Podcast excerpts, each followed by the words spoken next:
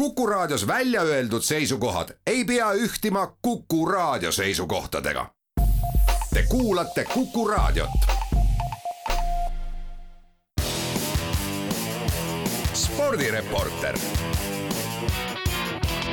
spordis kruvib pinget, Pahv üksteist ja kaheksa minutit saab kohe-kohe kell, täna on kahe tuhande kahekümne kolmanda issand aasta märtsikuu seitsmes päev. tere kuulama spordireporterit järjekorranumbriga kolmsada. palju õnne meile! ja kuulama kutsuvad teid Järve-Lott Tallinn ja Susi Joosep samuti Tallinn teematrellid spordireporter või haaksõna spordireporter töötab Twitteris nii nagu ikka, selle kaudu on võimalik meile esitada küsimusi, mõtteid, tähelepanekuid, millele vastamise võtame ette saate kolmandas osas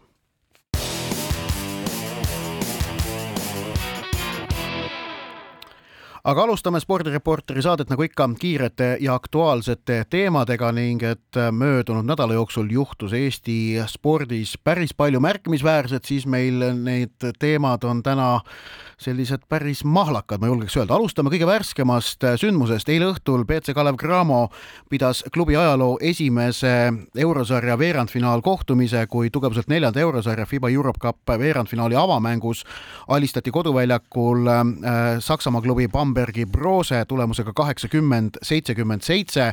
selles kohtumises Cramo oli, äh, jäi alguses suurde kaotusseisu, oli veel kolmanda veerandi keskel ka üheksapunktilises kaotusseisus, läks viimasel veerandajal kui ma ei eksi, kaheksa punktiga korraks juhtima, aga lõpuks siis tuli kolmepunktiline võit ning korduskohtumine toimub äh, järgmise nädala kolmapäeval Saksamaal. kahe mängu skoor pannakse kokku ja siis selle tulemusel selgub, kumb pääseb poolfinaali. nagu BC Kalev Cramo peatreener Heiko Rannula pärast eilset mängu märkis, tegelikult kõik on lahtine, kolm punkti on väga väikene vahe ja, ja Rannul ütles ka mõtted, et äh, äkki isegi kolm punkti on mõnevõrra nagu, kuidas öelda, sobivam vahe, mille pealt minna teist mängu mängima kui seitse-kaheksa, mis võiks tekitada mingisuguse võlts turvatunde.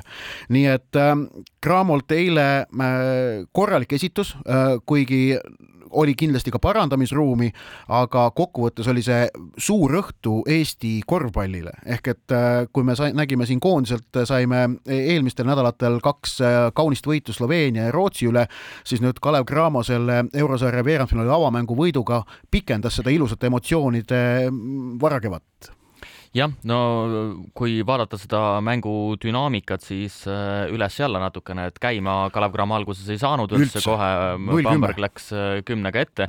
Ja veel äh, kolmanda neljandiku keskpaigas oli ju Bamberg üheteistkümne punktiga peal, siis tehti suur vahespurt kakskümmend kuus, neli. nii et tuldi mängu sisse, kindlasti suur osa oli Artur Konontšukil, kes suure osa oma kahekümne kahest punktist sai või korjas teisel poolajal, nii et et kolmesed seitsmest viis ja, ja lisaks kahekümne kahele punktile veel ka kümme lauapalli, et Konontšuk oli selle äh, Kalevi äh, tõusmise keskne figuur, aga, aga tegelikult äh, noh, ei, ei olnud see nagu ühe mehe mäng, et seal ikkagi oli ka kõikides olukordades näha seda võistkondlikkust, just ka kuidas võistkondliku kaitsega suudeti, suudeti Bambergi rünnakut seisma panna, et see oli, see oli kaunis võitlus, mida Kalev Cramo näitas.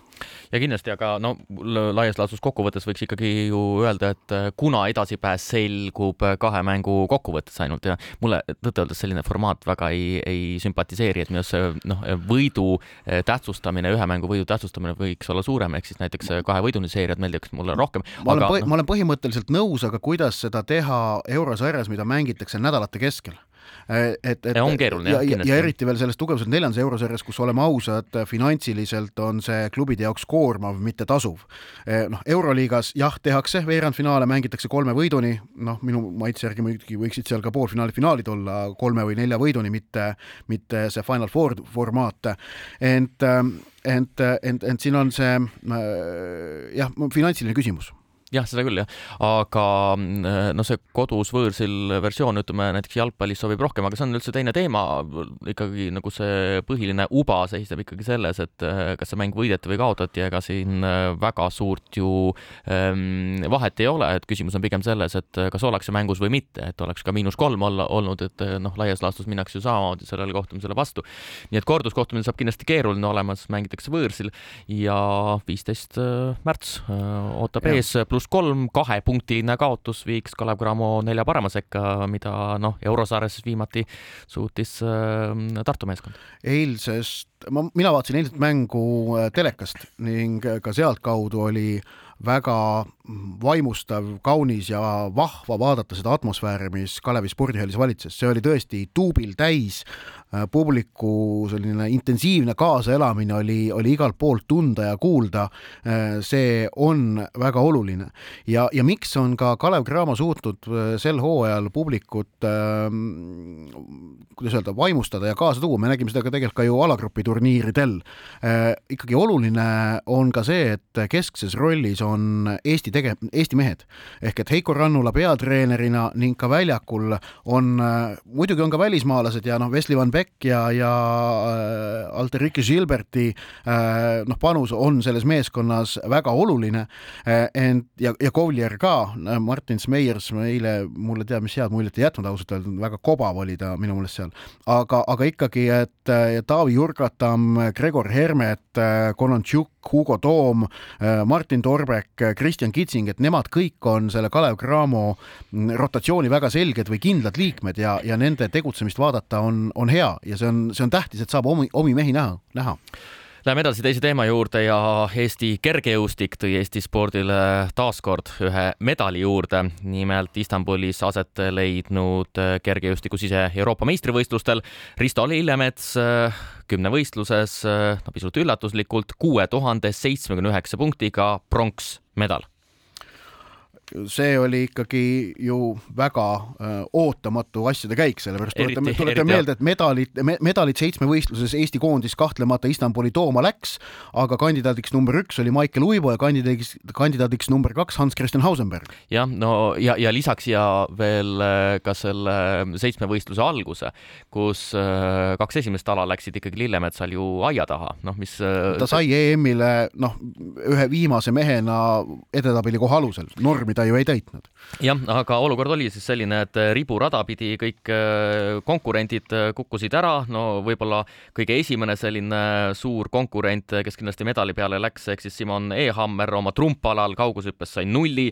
Äh, võiks veel öelda, et teivashüppeni medalikonkurentsis olnud Mäkelson Kleti sai teivashüppes nulli, siis meie mehed, Maicel Uibo, taaskord seesama kannavigastus lõi välja ja siis lõppeks äh, otsustas mitte äh, jätkata, ehk siis äh, hooajala vigastuse tõttu kõrgust ei läinud hüppama ja mm, siis veel, no võiks öelda, et ikkagi ka teivashüppeni medalikonkurentsis olnud Hans-Christian Hausenberg. teivashüppes sai nulli, tegi küll võistluse lõpuni, aga selgelt oli näha, et, et kannavigastus segas teda väga palju juba tõkkejooksus ehk siis teise päeva hakatuseks jooksis tõkked läbi, sai tegelikult päris korraliku aja, aga ma saan aru, et isegi korralikku soojendust ei teinud enne seda, läks lihtsalt jooksis läbi, üritas kolm katset ikkagi teha ka teivashüppesektoris, aga, aga ei õnnestunud. nii et pärast ehm, võiks öelda, et ebaõnnestunud seitsmevõistluse algust, siis edasine seeria Lillemetsal väga korralik, kuulitõukes neliteist viiskümmend üheksa, kõrguses kaks null seitse ehm, näiteks ja kaheksa null viis tõketes, viis kümme ületas ka teivashüppes, kuigi vaadates näiteks eh, seda kõrgust viis kümme, kuidas ta üle läks, siis no võiks öelda, et see isiklik rekord viis kakskümmend võiks, eh, olnuks olnud, eh, olnuks võimalik jah, ja siis kindlustas medali Euroopa meistrivõistlustel tuhande meetri jooksuga kaks kaks kolmkümmend üheksa viiskümmend. no esimeses äh, kahes polnud vist kordagi suurt kahtlust et äh, Kevin Maier võidab taaskord selles polnud kahtlust, kuus tuhat kolmsada nelikümmend kaheksa punkti ja Sander Stockheim hõbedal kuus tuhat ükssada kolmkümmend kaheksa punkti. no vahepeal seal tuhande meetri jooksus tekkis selline küsimus, et, et kas Stockheim äkki isegi jookseb eest ära, kui see virtuaalne selline punktitabel äh, jooksis meil. aga kahekümne seitsme aastaselt esimene tiitlivõistluste medal, nii et suurepärane. ja, ja ikkagi tooksin natukene sellise ajaloolise mõõtme ka siia sisse, et ma vaatasin siin viimaseid seitsmevõistlusi Eh, sise EM, et eh, ühelt poolt küll, et viimati niivõrd tagasihoidliku tulemusega võideti medal kaks tuhat viis Madridis, pronksmedal kuus tuhat kuuskümmend neli, aga üldiselt kõikidel, eh, kõikidel eh, senistel EM-idel pärast seda, ehk siis Birmingham, Torino, Pariis, Göteborgi, Praha, Belgrad, Glasgow eh, eh, ja nii edasi, ehk siis kaheksa EM-i järjest oli Lillemetsa tulemus selline, millega ta oleks saanud Euroopa meistrivõistlustel neljanda või viienda koha koha, nii et oleks, oleks medali. natukene alla tavapärast pronksi, et seekord oli pronksi hind veidikene madalam, kui ta on olnud muidu sise-EM-idel, aga mitte oluliselt. jah, et, et see e, e, pronksmedali hind üldiselt sise-EM-il on sinna kuus tuhat kaheksakümmend kuni kuus tuhat ükssada kaheksakümmend. jah, aga noh, Lillemetsal avanes šanss ja ta kasutas selle hiilgavalt ära, mis on äh, tugeva sportlase tunnusmärk äh,. tõsi on muidugi see, et, et kui nüüd mõelda suuremat perspektiivi, siis tegelikult ega, ega Risto Lillemets ise ka ju kuskile äh, noh, ebareaalsetesse kõrgustesse ei tõusnud, vaid nentis, et tema järgmine eesmärk on nüüd kuidagi pääseda peale suvistele maailmameistrivõistlustele. E, ehk et kümnevõistluses on ta hetkel Eesti vist viies number, mis tähendab, et tal MM-ile pääsemine on praeguse seisuga noh, see nõuaks äh, välihooaja hakatuseks mingit päris korralikku tulemust, et isegi öelda eneseületust. no kui me vaatame Eesti kümnevõistluse seisu, meil on kaheksa kümnevõistlejat kes teevad äh, tulemuse üle kaheksa tuhande. ma lisan siia ka Hausenbergi, kes korralikku äh, kümnevõistlust pole veel kokku pannud, kes võib-olla pigem ongi seitsmevõistleja, aga meil on Uibo, jah, näiteks Tilga, Erm, Õiglane, äh, Rosenberg, siis Lillemets, kes on teinud kaheksa tuhat ükssada viiskümmend kuus punkti Tunamullu Göteborgis ja noh, lisada võime ka Tšernovski, kes, kes on samuti üle kaheksa tuhande punkti teinud, nii et hämmastav situatsioon praegu Eesti mitmevõistluses. just, ja Lillemetsalt kõva töö, aga kergejõustiku sise-Euroopa meistrivõistlustel äh, võistles äh, Eesti koondise eest äh, väga kenasti ka Õilme Võro, kes jõudis sprindis poolfinaali, Karl-Erik Nazarov ka sprindis poolfinaalis, aga tema jaoks oli see pigem pettumus, et ta finaali ei jõudnud. Ning kõige suurema, noh, julg-, oleme ausad, ikkagi kõige suurema tähelepanu spordiväliste asjaolude tõttu oli kõrgushüppaja Karmen Pruus, kelle võistlus ebaõnnestus eelmise hooaja maailmameistrivõistluste seitsmes naine sedapuhku lõpp lõppvõistlusele ei jõudnud, ta ületas kvalifikatsioonis üks kaheksakümmend seitse, millest lõppvõistlusele pääsuks ei piisanud, see oli, piiriks oli üks üheksakümmend üks, mis viis kaheksa parema sekka ja, ja finaali. ja Karmen Pruus äh, pärast võistlust andis veidi pikema intervjuu ERR-ile, kus ütles, et andis mõista, et spordiga jätkata soovib, ähm, aga näiteks Eesti kirjutavale pressile ta mitte mingeid kommentaare peale selle, et ei soovi rääkida, ei öelnud. Äh, no kokkuvõttes on see mõistetav, Karmen Pruusil on selja taga väga keerulised nädalad ja, ja endiselt paraku küsimus, kas ja kuidas tema karjäär jätkub, on ju, oleme ausad, õhus no mind väga häirib see, kuidas on Bruce toodud äh, kogu selle äh, skandaali keskmesse, et tegelikult tema ei peaks seal noorsportlasena või noore sportlasena olema, et minu jaoks on see väga häiriv, jah äh, kaks sõna ka üldisest medalitabelist. kergejõustiku sise-EM-il oli kakskümmend üks medaliriiki, mida on väga palju aga mida on vähem kui eh, eelmistel EM-idel. Eh, ja püstitati ka üks maailmarekord, see sündis naiste viievõistluses eh, Nafissis, Nafissi, Nafissatu Thiam belglanna tegi viis tuhat viiskümmend viis punkti. aga läheme teemadega edasi ning liigume võrkpalli juurde, sellepärast et äh, Tartu Bigbanki meeskond võitis teist aastat järjest äh, Balti liiga ja võitis selle ülimalt dramaatilises finaalkohtumises, kus nad koduväljakul olid Jurmala võistkonnast üle kolm-kaks niimoodi, et jäid geimidega null-üks ja üks-kaks taha ning neljandas geimis olid taga kaksteist-neliteist ehk et lätlastel oli kaks matšpalli, mille Tartu ära päästis ja lõpuks selle viienda geimi kakskümmend kaks, kakskümmend võitis. no see on jälle jällegi stsenaarium, mida äh, ühelgi stsenaristil kirja panna ei ole võimalik, ta ei suuda lihtsalt seda, vaid selliseid asju suudab ainult ikkagi tippsport ise päriselt pakkuda. mina äh, muudaksin seda sõnastust, ma arvan, et iga stsenarist võiks äh, panna sellise stsenaariumi kirja küll, aga see ei äh, mõjuks äh, usutavalt. jah. Okay., äh, aga tõesti, no tavaliselt öeldakse selliste mängude järele, vaat see ongi see, miks me, miks me siis äh, ikkagi sporti jälgime, aga see oleks ikkagi, ikkagi väga väga-väga kurb olnud, kui äh, võrkpalli Balti liiga oleks võitnud äh, Läti sats, seda juhtus ju aastal kaks tuhat kuus, äh, kui Osolnieki võitis, edasi on ikkagi siin Selver, Tartu, TTÜ, vahepeal ka Rakvere, Saaremaa ja nii edasi võitnud, nii et Tartu võit on noh, nii, nii-öelda vaadates ka põhiturniiri, no oli igati ootuspärane, nii et kindlasti ma, noh, minu perspektiivist oleks Tartu võiduta jäämine olnud ähm, kerge tagasilöök ja see näitab ikkagi jällegi sisu, kui tullakse ikkagi niivõrd keerulisest seisust välja, tõsi, seal ikkagi pakuti vastastele ka päris palju oma servi vigadega ja nii edasi. aga äh, pronksi kohtumine oli ka, Pärnu selle kaotas, aga poolfinaalis äh, Pärnu siis kaotas Tartule, nädal tagasi me tegime äh,, sõnastasime eesmärgi Pärnule saada poolfinaalis Tartu vastu äh, vähemalt kuuskümmend punkti said viiskümmend üheksa. said viiskümmend üheksa, nii et napilt selle alla. ja, aga võrkpallihooaeg nüüd jätkub äh, Eesti meistrivõistluste poolfinaalidega. Selver ja Võru alustavad homme ning Tartu ja Pärnu alustavad reedel, aga teema number neli ja jalgpall nagu me teame, me elame modernsel ajal, mille keskmes on progress, progress ja veel kord progress. õige! Tehnoloogiline areng raputab traditsiooniliste spordialade süvakihistusi alanud on nimelt jalgpalli hooaeg ja tänavusest aastast on kasutusel ka videokordused ja härra Järvela. videokordusi on kasutatud teleülekannete algusest peale, videokohtunik on kasutusel. nojah, videokohtunike kordusi ja kohtunikud kasutavad videokordusi, ütleme siis nii. aga härra Järvela kommenteeris äh, Kalevi ja Nõmme kohtumist, oli ise sündmuste, kuumade sündmuste keerises, nagu Eesti spordiajakirjanduses on äh, tavaks öelda. Äh, kuidas siis nende kordustega lood on või kuidas videokohtunikega lood on? nimetame seda asja nii, nagu, mis selle asja nimi on, selle asja nimi on VAR kogu maailm teab ja Eestis ka öeldakse selle kohta varr, ei ole vaja hakata siin ise mingit jalgratast leiutama. olgu, kuidas sa selle varriga lood on, sa tegelikult, ma saan aru, et kui sa kommenteerisid mängu, siis sa mingil määral olid selle nii-öelda inforuumi sees, mis äh, oli seotud äh, varriga ja eh, ehk et eh, on tegelikult nähtud päris palju minu meelest vaeva, et siin eh, no mis Varri probleem on olnud läbi igal pool maailmas, kus seda on lansseeritud, on see, et ta ei ole tehtud alguses piisavalt arusaadavaks publikule, pealtvaatajale, kohati ka mängijatele. ent mängijate puhul noh, ma arvan, Eestis probleemi ei ole, ongi, oligi probleem publik ja televaataja.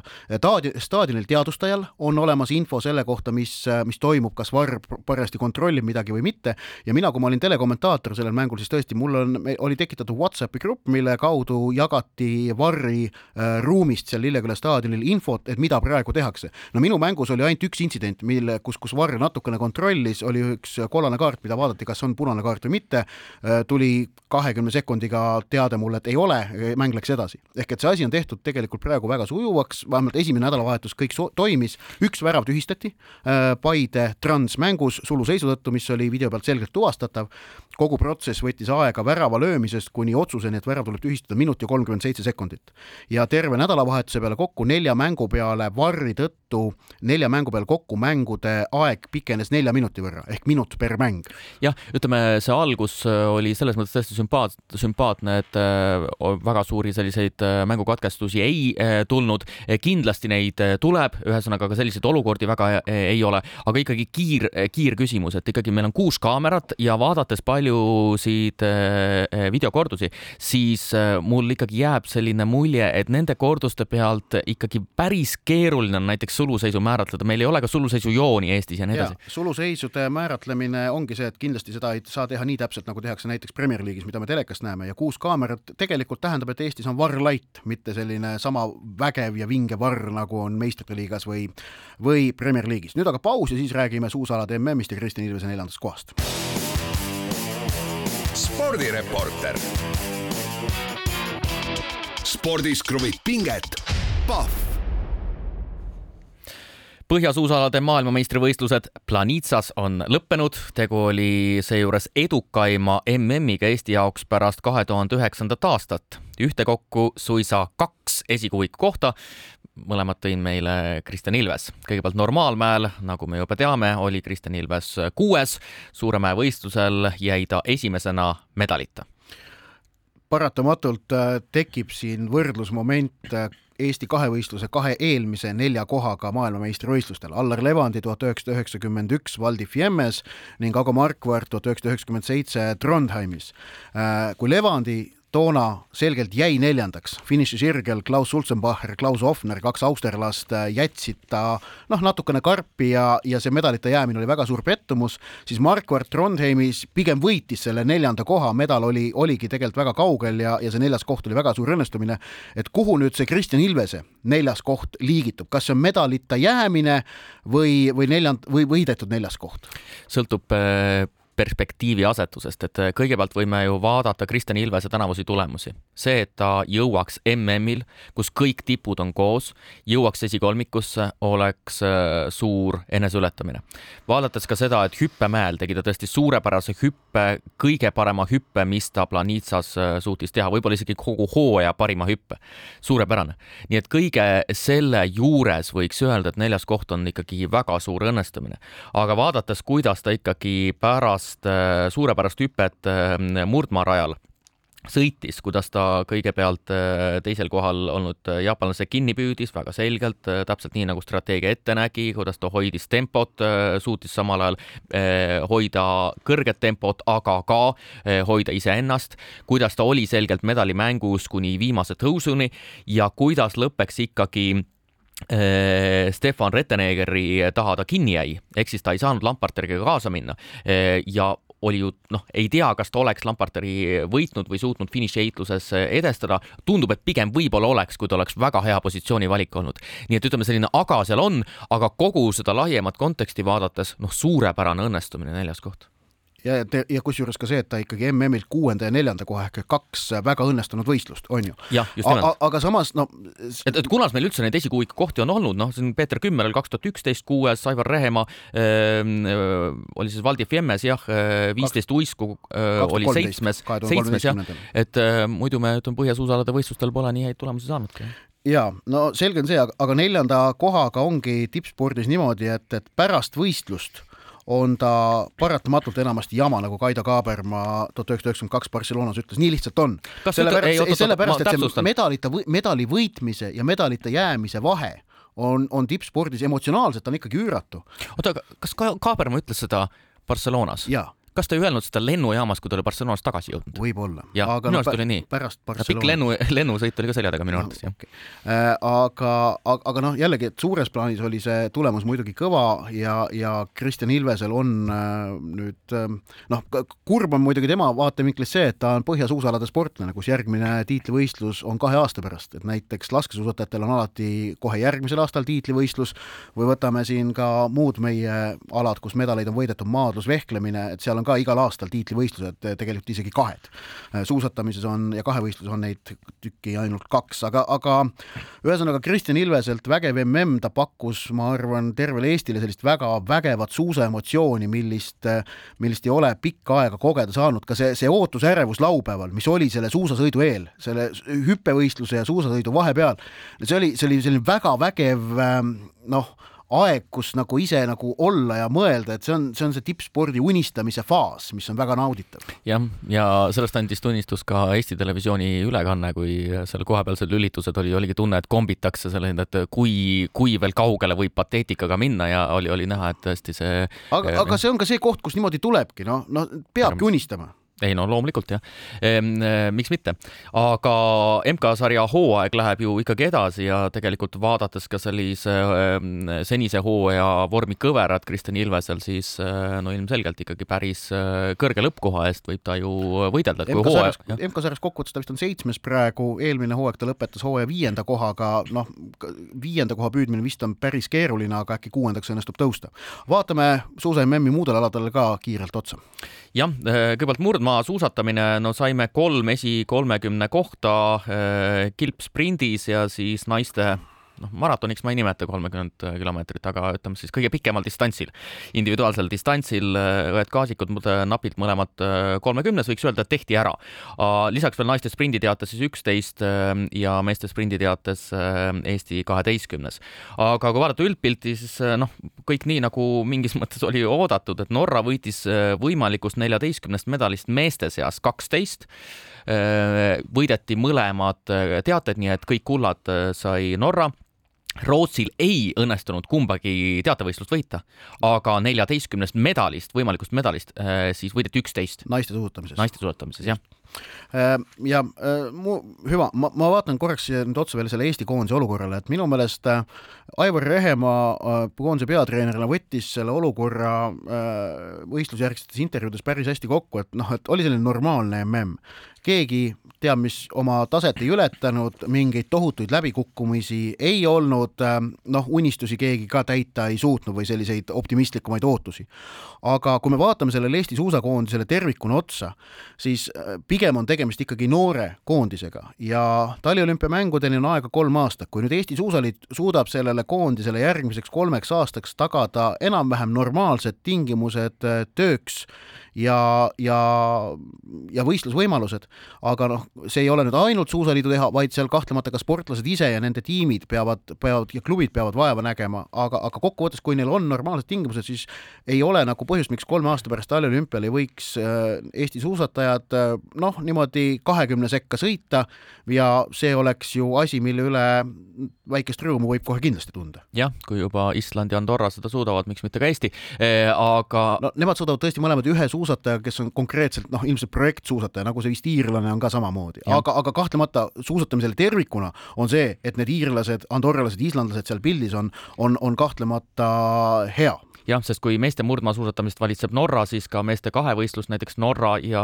ehk siis Kristjan Ilvese meeskonnakaaslased, et Norra võitis ju kõik kuldmedalid kahevõistluses. kõik viis. Eh, eh, kõik viis, naiste üks, eh, siis segavõistkonnavõistlus ja, ja kolm meestevõistlust, nii et Hüpe, suusahüpetes oli pilt veidikene laiapõhjalisem, seal oli Saksamaale kolm kulda, Sloveeniale kaks, Poolale üks ja Kanadale üks. olgu veel öeldud, et Eesti suusahüppajatest Arti Aigrol kordas siis oma tiitlivõistluste parimat kohta, oli kahekümne viies nagu ka kaks aastat tagasi Oberstdorfis Suuremäe võistlusel, Kevin Maltsevil läks mm aia taha. Äh, nii et loodame, et siis edaspidi paremini. ja kokku kaksteist äh, medaliriiki, Norra võitis kahekümne neljast kullast kaksteist. vot äh, ja teeme nüüd väikese pausi ning siis võtame ette kuulajatelt laekunud küsimused. Spordireporter. spordis kruvib pinget, Pahv spordireporter jätkab, Joosep Susi, Ott Järvela jätkuvalt Kuku raadio Tallinna stuudios ning meie saate kolmas osa kuulub nagu ikka kuulajatelt laekunud küsimustele. Jaak Tartust, kes on meie püsiküsija, nagu ta ise märgib, äh, küsib järgmist. milline on parimate laskesuusatajate murdmaa tase võrreldes professionaalsete murdmaasuusatajatega? milline on kahevõistlejate seast parimate suusahüppajate tase võrreldes professionaalsete suusahüppajatega? kas Böö jõuaks Kläboga võidu sõita või Riiber Kraanerundist kaugemale hüpata? ma olen seda vist korra korra juba küsinud, kuid on, olen unustanud, mida vastasite no kahevõistluse suusahüpet, siin ei ole mingit küsimust, et kahevõistluse äh, ala spetsiifika on äh, tõesti selline, et siin on kaks täiesti erinevat äh, spordiala kokku pandud, mis tähendab, et kahevõistleja ei suuda hüppemäel suusahüppajatele mitte kuidagimoodi vastu saada, mitte yeah. kuidagimoodi ka, vaadates ka,. Kaarel Nurmsalu tegi selle ühe ülekande ajal väga piltlikult selgeks, et noh, et, et noh, need poomid, mille pealt hoogu võetakse ja seeläbi äh, hoog, mis seal äratõuke kohal saavutatakse, on niivõrd erinevad, et distantsid võivad jah olla võrdsed, aga need, need hood, mille pealt need distantsid saavutatakse, on niivõrd erinevad, et, et ühesõnaga, et Riiberil äh, ei oleks varianti MK-sarjas isegi põhivõistlusele jõuda jah, ja no vaadake kasvõi poome, kui, kui kõrgelt hüpatakse, nii et see on täiesti, täiesti erinev. ja sama võib öelda ka kahevõistlejate ja murdmaasuusatajate võrdluse kohta, et Riiberil ikkagi äh, nii-öelda murdmaa seltskonnas pole midagi kaasa rääkida.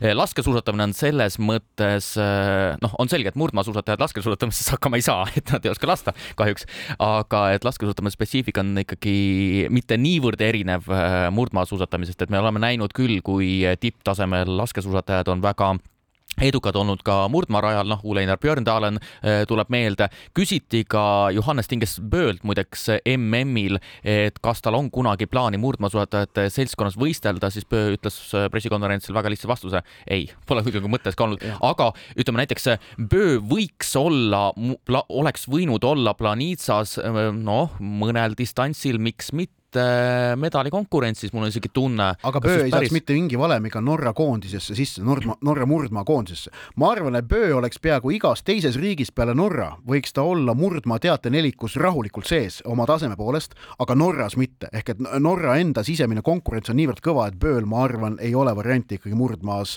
seal koondisesse mahtuda. jah, ja me oleme näinud ju päris palju ka praegu äh, laskesuusatamise maailmakarika karussellis kaasa äh, löövaid äh, sportlasi, kes on varasemalt olnud murdmaasuusatajad ja päris kõrgel tasemel, kasvõi Denise Herman, Lampits tuli hiljuti ja nii edasi, rootslasi ja nii edasi. Ja ei saaks öelda, et nad peajagu üle on teistest murdmaarajal, jah aga läheme edasi ehm, teise küsimusega. ühtlasi soovib Jaak Tartust õnne kolmesajanda saateni jõudmise puhul, tähistamaks äh, kaasa ka kaks pidulikku ja peegeldavat küsimust kummalegi saatejuhile. esiteks, mis on kaassaatejuhi kõige tugevam külg ja teiseks, mis selle töö juures kõige väsitavam on? nii, aga võtame nüüd järjest ette. esimene, mis on kaassaatejuhi kõige tugevam külg? kõige tugevam külg hmm hmm.? võtan teise küsimuse, mis selle töö juures kõige väsitavam on? seda ma tean, seda ma tean, see, mina ütleks lihtsalt, et kaassaatejuht. jah, nõus nii äh,, Clara on esitanud küsimuse. Äh, Martin Liivi üheksas koht MM-il tekitab natukene segadust. see nagu ei sobi tema senise arenguga, tundub tagasilöögina. on see mulje õige või vale?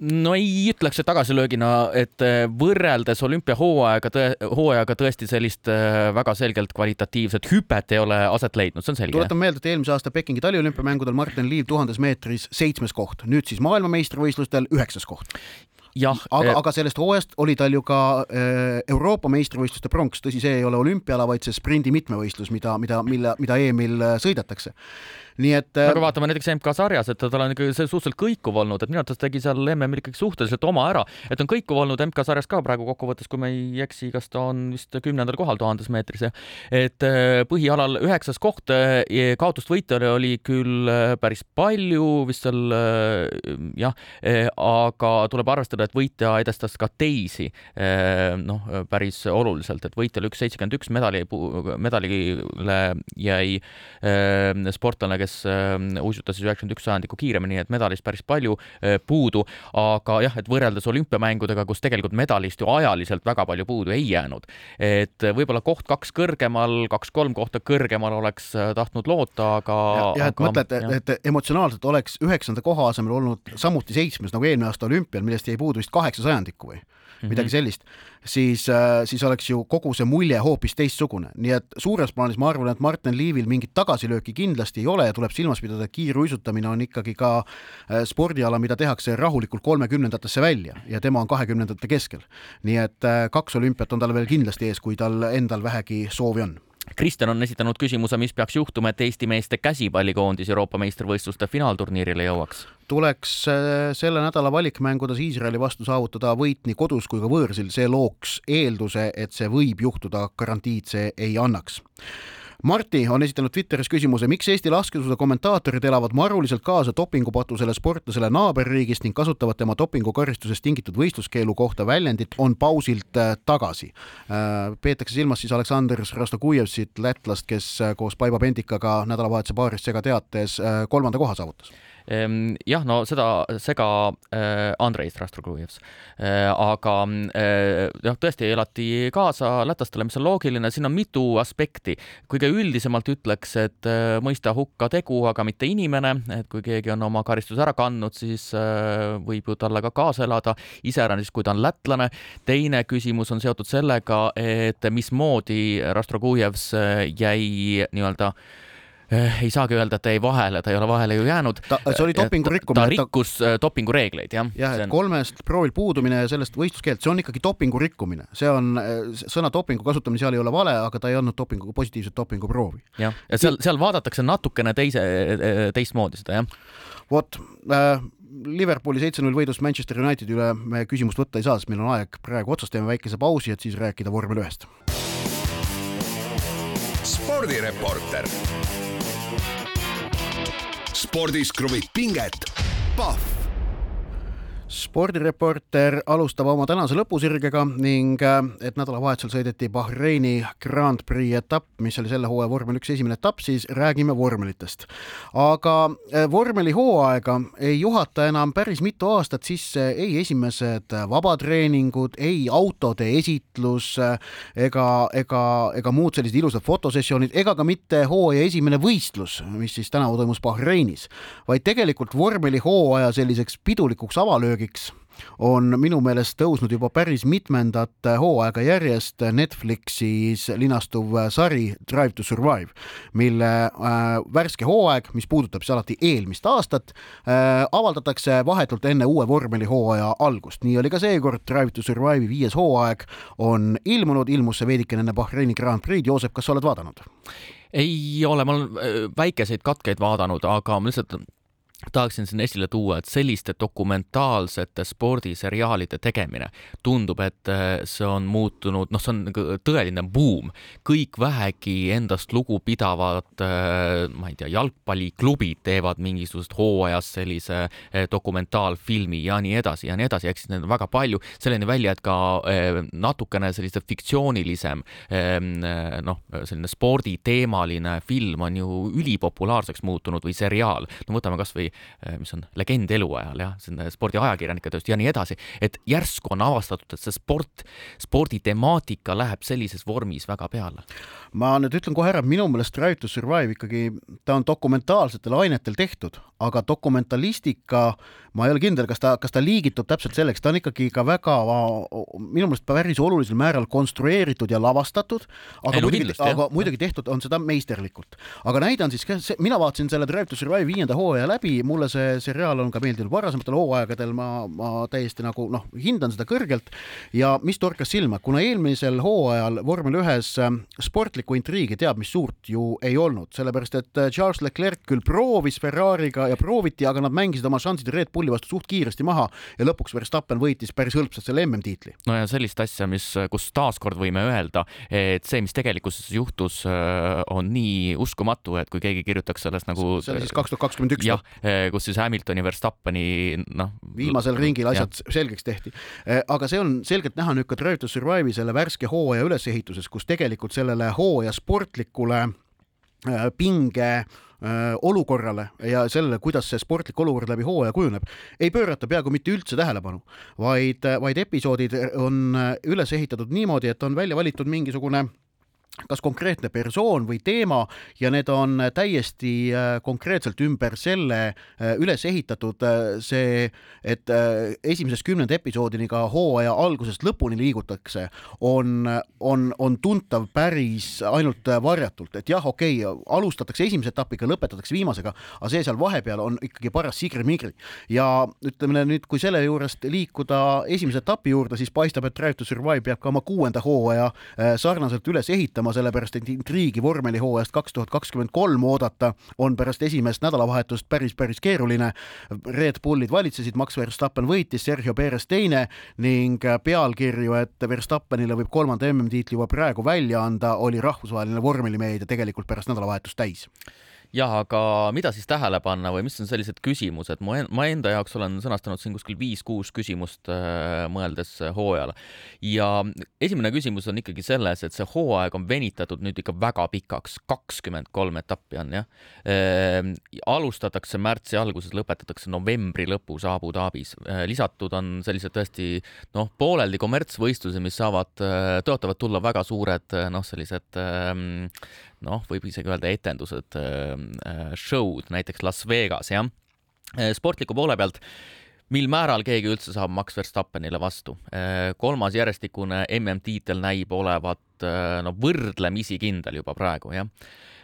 siis see, mis hooajaeelsetel testidel tundus olevat üks suuremaid üllatusi, mida me nägime ka ju tegelikult avavõistlusel, et Aston Martin on üllatavalt kiire ja, ja selle kõrval on küsimus, et mis on äh, lahti Mercedese McLareniga, kes äh, ei ole kiirust leidnud, ja no Fernando Alonso oli üldse enim räägitud piloot sel nädalavahetusel, mitte, mitte siis Max Verstappen, kes äh, võitis järjekordse Grand Prix etapi, vaid, vaid just nimelt Fernando Alonso, kes sai kolmanda koha ja noh, neljakümne kahe aastane Hispaania vanameister säras, hiilgas, tähistas ja tema võitu tähistati või noh, mitte võitu, triumfi, ütleme niimoodi, ikkagi ka tähistati ja hinnati väga-väga võimsalt, nii et äh, see oli kahtlemata sündmus, aga, aga noh, vormel ühe jaoks tervikuna äh, on, on ikkagi jah, praegu paistab, et jälle selline probleem, kui, kui Red Bull niivõrd võimsalt valitseb. samas muidugi vormel üks on viimastel aastatel väga palju vaeva näinud just nimelt sellega,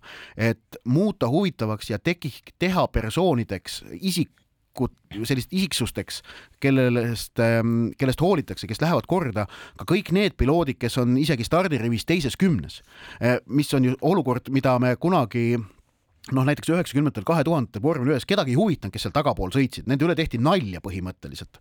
Äh, et, et noh, mingid sellised. Äh, ma ei tea, kus sina elasid. no oli aga... nii, oli, oli, no ikkagi ainult see tippkonkurents oli see, mis luges. Äh, praegu minu meelest nendest tagumistest pilootidest teatakse palju rohkem ja nendest, nende, kuidas öelda, mm, käekäiku ka jälgitakse palju põhjalikumalt. ehk et no, on otsitud, on otsitud ja tekitatud kõrvalnarratiivid, mis on vajalikud terve sarja jaoks. no see oli enne eriti nii, kui Alonso Alonso, Vettel ja nii edasi, Raikkonen seal taga sõitsid, aga üks küsimus veel ikkagi, et äh, kuidas ikkagi Mercedes tuleb sealt välja, ehk siis äh, Hamilton, äh, Russell, kuidas nende omavaheline jõudude vahekord on?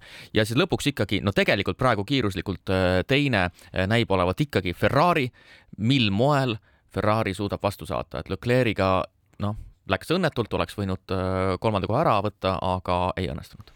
no see oli terve eelmise hooaja ju selline moto, võib öelda, moto on halb sõna, aga noh, see on e-, eelmise hooaja äh, sündroom, et, et Leclerc, Leclerc'iga läks midagi kehvasti. aga meil on aeg liikuda soovituste juurde, mina soovitan äh, homme õhtul kell üheksateist jälgida võrkpalli meistrivõistluste esimest poolfinaalmängu, kus Selver, kes siis Balti liiga veerandfinaalis Pärnu käest šokkkaotuse sai, võõrustab Võru meeskonda. on nii mõndagi tõestada, mina soovitan homme vaadata jalgpalli õhtul meistrite liigat, Bayern ja BSG, kaks suurt vastakuti, avakohtumise võõrsil Bayern võitis üks-null null. ja kuna meil on kolmesajas saade ehk sünnipäev, siis me otsustasime, et me mängime saate lõpuks laulu, mis meile mõlemale enam-vähem meeldib ja me suutsime kokkuleppel leida äh,, saavutada vennaskonna eleegia osas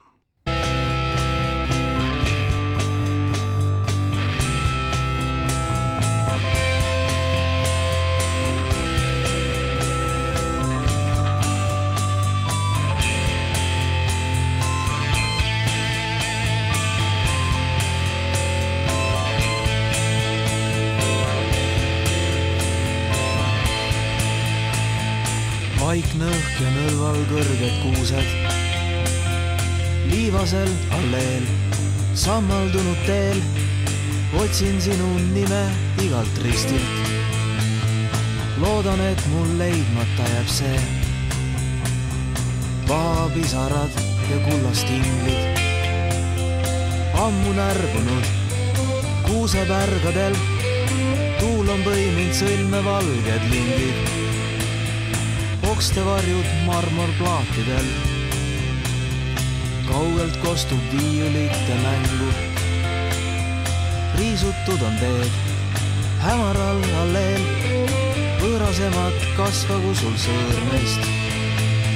suudelgu sind sirelite lõhn.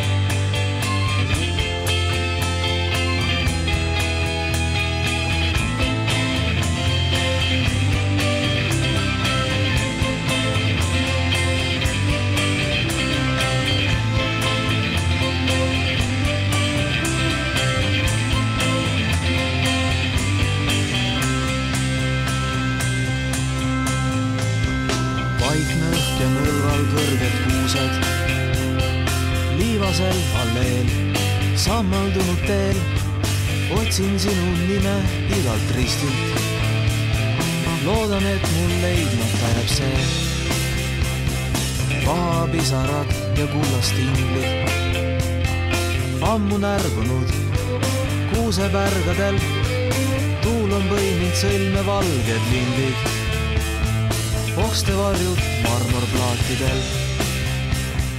kaugelt kostub viiulite mängu riisutud on teed hämaral alleel. võõrasemad kaskagu sul sõõrmeist. suudelgu sind sirenite lõhn